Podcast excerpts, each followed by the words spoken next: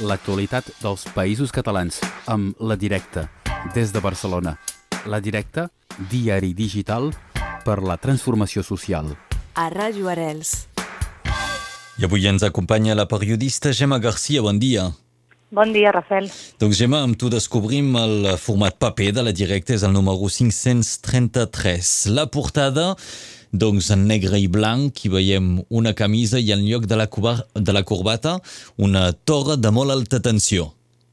Doncs sí, i veureu que aquesta directa es titula Venedors d'alta tensió i precisament el que fem és abordar el tema de les línies d'alta tensió al territori, però és una perspectiva que potser no s'ha fet tant, que és des de la perspectiva de les figures dels facilitadors, que són aquelles persones que recorren al territori, de, que són persones que estan treballant per l'empresa que s'ha d'encarregar d'instal·lar aquestes torres d'alta tensió. En aquest cas ho concentra Forestalia, l'empresa Forestalia, i són les persones que recorren al, al territori i intenten convèncer els municipis i les persones que són propietàries del terreny on s'han d'instal·lar de que ho facin, no? fent sucoses ofertes, ofertes econòmiques.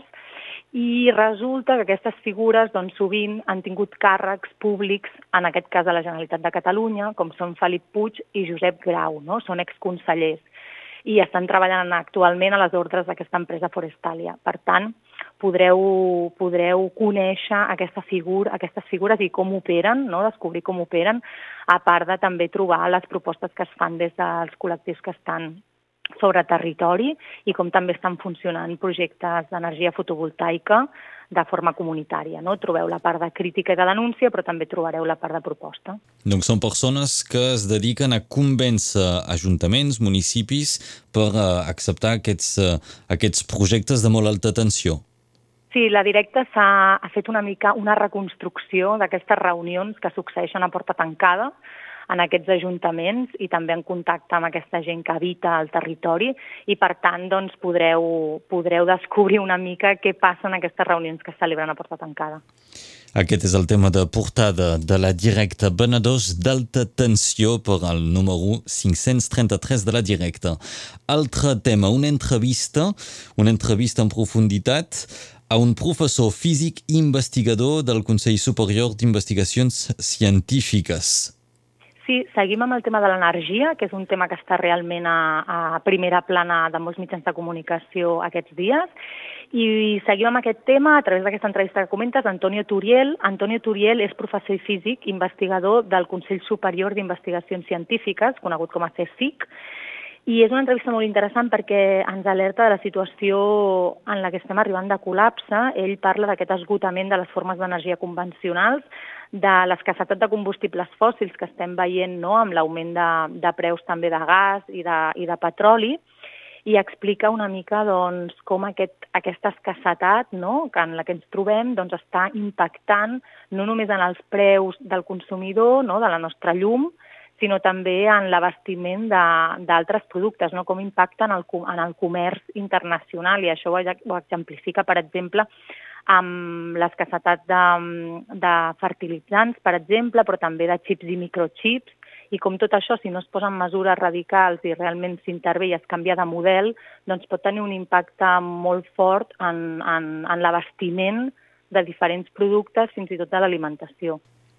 Aquí se'n parla molt també de l'energia de, de, de la gasolina pels preus eh, que està tenint Clar. aquí.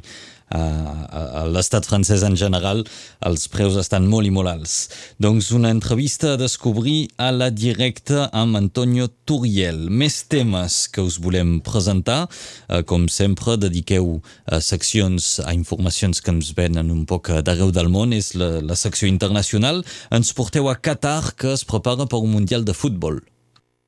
Exacte. Qatar celebrarà, Qatar celebrarà el Mundial del 2022 um, cap a finals d'any, cap a la tardor, o sigui, encara queden, encara queden uns mesos, però el cas és que aprofitem per posar el focus en què està passant en aquest país, que a més ja ho hem fet en reiterades ocasions, no? com no respecten els, els drets fonamentals i com aquesta organització del Mundial de Futbol del 2022 està envoltada de denúncies de corrupció, i no només de corrupció, sinó també d'abusos laborals contra treballadors migrats que estan precisament construint les infraestructures amb motiu d'aquest Mundial de Futbol i eh, que ja estan havent-hi doncs, moltes, molts accidents laborals i fins i tot parlem de moltes morts de treballadors no, que sovint no compten o no figuren en les estadístiques. Mm -hmm.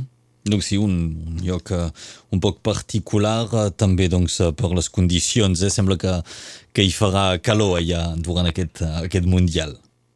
Exacte, les condicions són, són difícils i després doncs, la majoria de funcions, no, precisament, com comentem, es deuen a cops de calor, no, en aquestes sí. temperatures que estan superant els 40 graus, però també d'altres que tenen a veure amb deficiència d'equipaments que són necessaris per la prevenció de riscos laborals. No? Vull dir, es combinen aquests dos, aquests dos factors.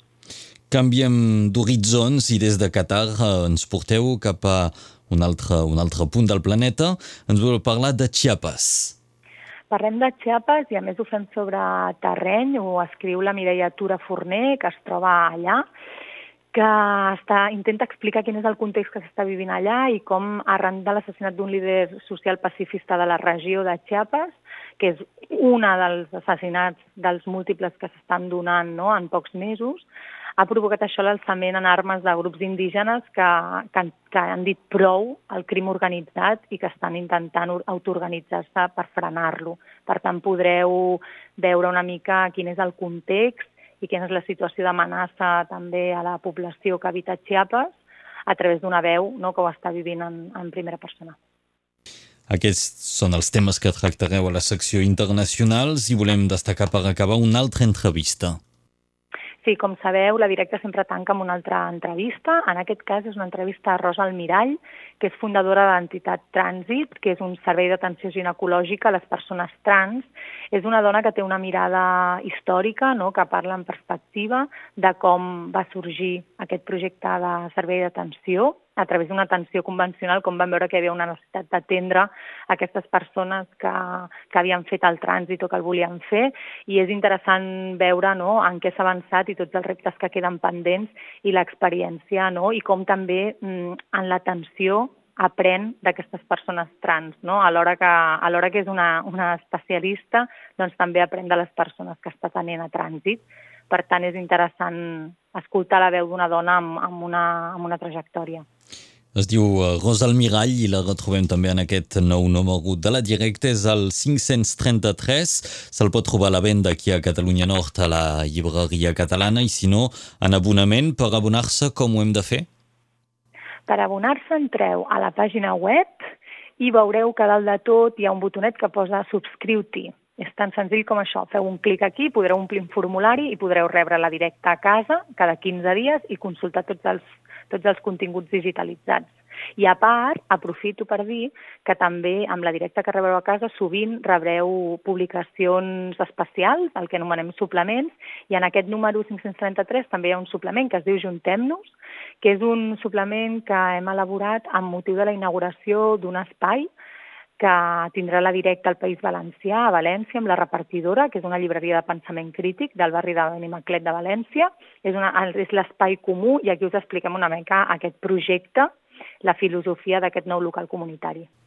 Molt bé, doncs si us voleu abonar directe.cat és molt fàcil, ens ho explicava avui la periodista Gemma Garcia amb qui connectàvem. Moltes gràcies, Gemma.